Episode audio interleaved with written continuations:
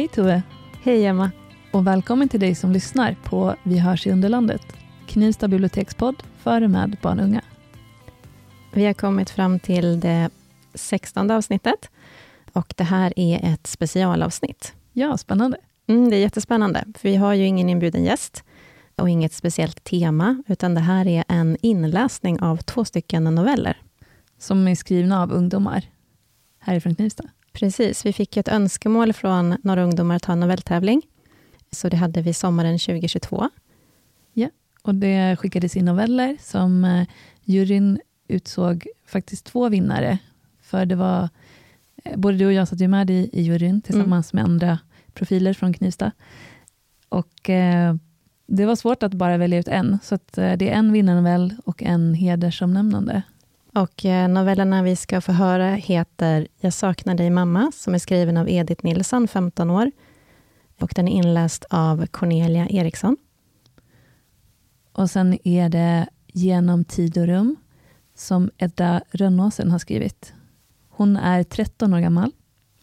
Den som har läst in är Emma Lövström. Temat för novelltävlingen var tiden. Mm.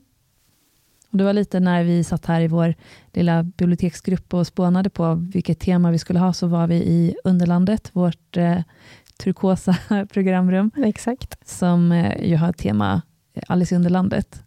Och då vill vi ha något som anknöt lite till det, och då fastnade vi för tiden. Precis. Mm. Mm. Och det är två ganska olika noveller som, som behandlar det här temat. Det ska bli jätteroligt att lyssna på dem nu.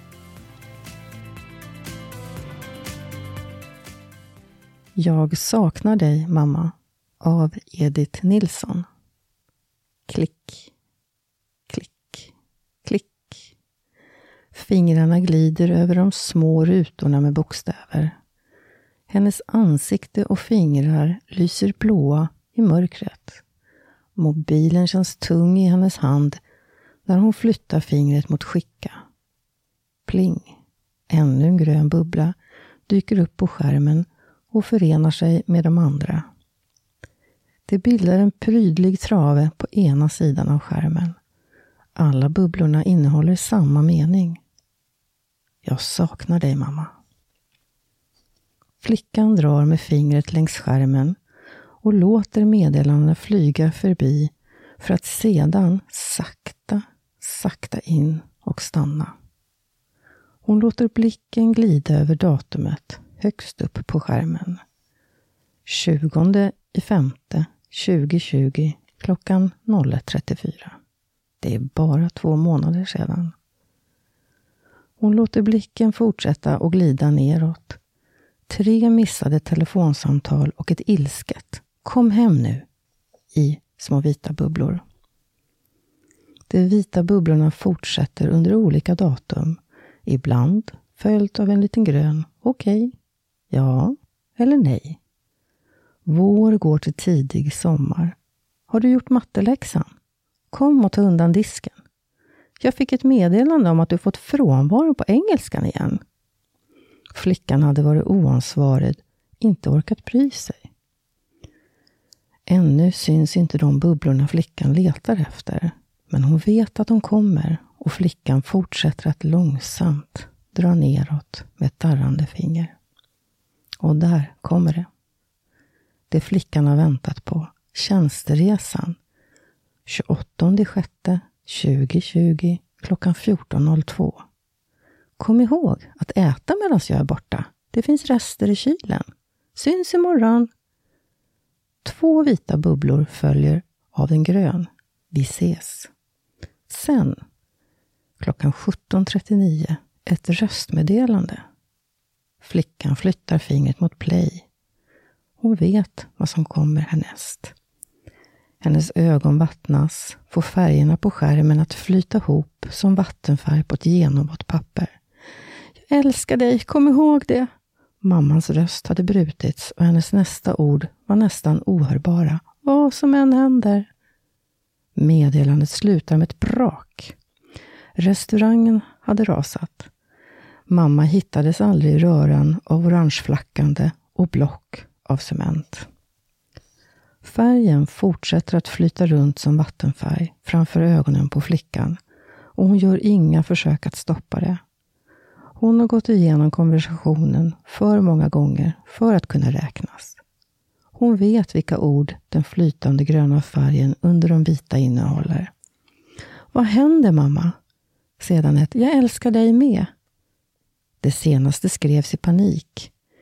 Skrevs i en önskan om att det skulle läsas. Men mamma läste det aldrig. Det var redan för sent. Flickan vet att det inte finns och aldrig kommer att finnas några fler vita bubblor. Någon mer vit vattenfärg i den här chatten. Aldrig någonsin mer. Den gröna färgen tar över resten av den aldrig torkade målningen framför hennes ögon. Som om den vill göra upp för saknaden av färgen tidigare. Som om den vill göra upp för ignoransen och bristen av omsorg i den lilla mängd färg som tidigare lagts ner på det blöta pappret.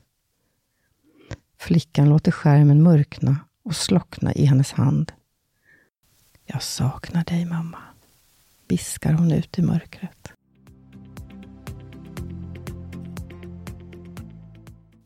Genom tid och rum av Edda Rönnåsen. Plötsligt slutar allting att skaka och det höga mullret hörs inte längre. Försiktigt öppnar jag ögonen men måste kisa för det starka solljuset. Det känns som om min hjärna gör kullerbyttor där inne i huvudet. Det tar en liten stund innan jag minns vad jag håller på med. Jag vänder mig mot pappa som sitter i stolen bredvid mig. Jag tror inte människor är anpassade för att resa i tiden, säger han och ler.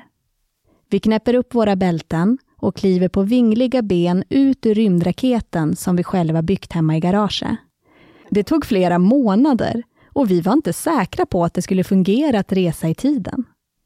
Pappa sa att enligt Einsteins teori bara var att kröka rumtiden, flyga rakt igenom singulariteten och ut på andra sidan. Men eftersom allting rör sig runt i rymden så är jorden inte på samma ställe år 2121 som den var år 2021.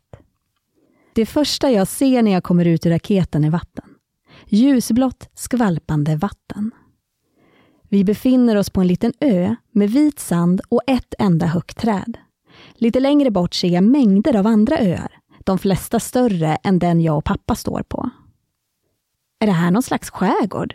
frågar jag. Det kan det nog vara, svarar pappa fundersamt. Undrar om vi har kommit till 2121 som vi ville? Det är svårt att veta, säger jag och tänker tillbaka på när vi ofrivilligt råkade hamna på 1500-talet och möta Gustav Vasa. Det var vår första tidsresa, så det är inte jättekonstigt att det gick lite snett. Vi trodde att vi skulle komma ett år framåt i tiden. Men när en man i snöskor uppmanade oss att se upp för Christian Tyranns mannar förstod vi att något blivit fel. Men nu verkar vi ha hamnat i en skärgård. Vi bestämmer oss för att simma till den närmsta ön för att utforska. Vattnet känns så svalt och skönt mot kroppen. När vi kommer fram klättrar vi upp på en liten brygga. Det finns en grönmålad stuga och en frodig trädgård på den här ön. Plötsligt känner jag något mot mitt ben och rycker till. Jag tittar ner och får syn på en grårandig katt. Jag sätter mig på huk och stryker den lena pälsen. Katten är så fin. Pappa sätter sig också på huk för att klappa den keliga kissen när vi hör någon ropa. Hej! Kan jag hjälpa er med något? Jag tittar upp och får syn på en äldre kvinna med grått hår, stående bland ett gäng solrosor. Katten springer glatt fram till henne. Hej, säger pappa. Kvinnan kommer fram till oss på bryggan. Jag heter Rut, säger hon. Jag har precis bakat bullar. Vill ni ha varsin? Ja, gärna, svarar pappa med en gång. Jag heter Jonas och det här är min dotter, Edda. Pappa följer efter ut mot stugan och jag följer tvekande med.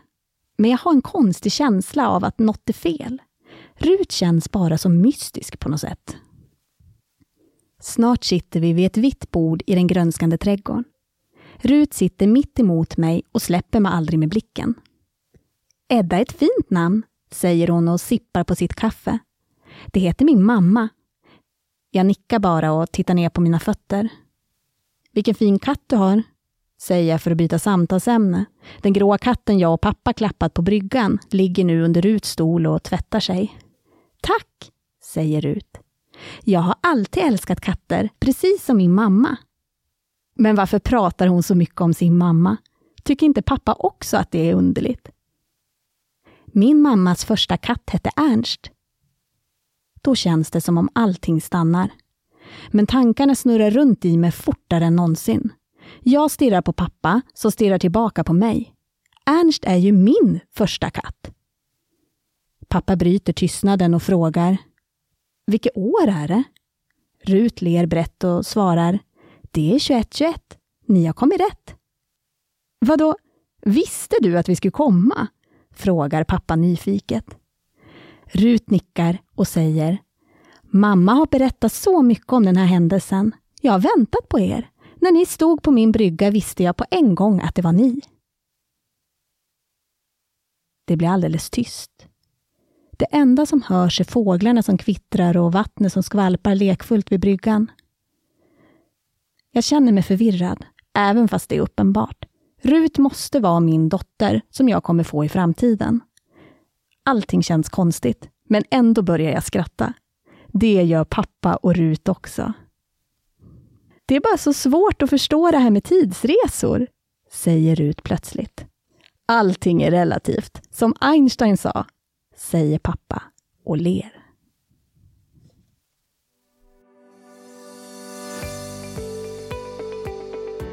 Du har lyssnat på Vi hörs i Underlandet. Stort tack till alla inblandade som har gjort poddnovellen möjlig.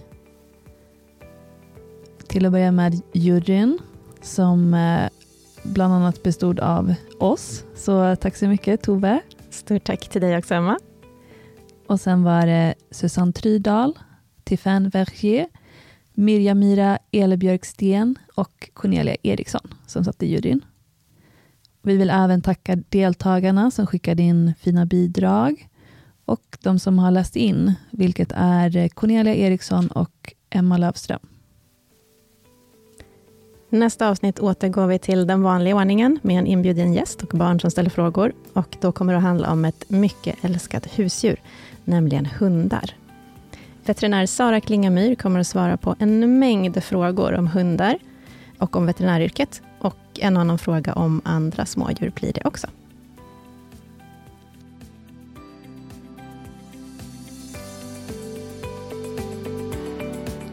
Podden produceras av Knivsta bibliotek.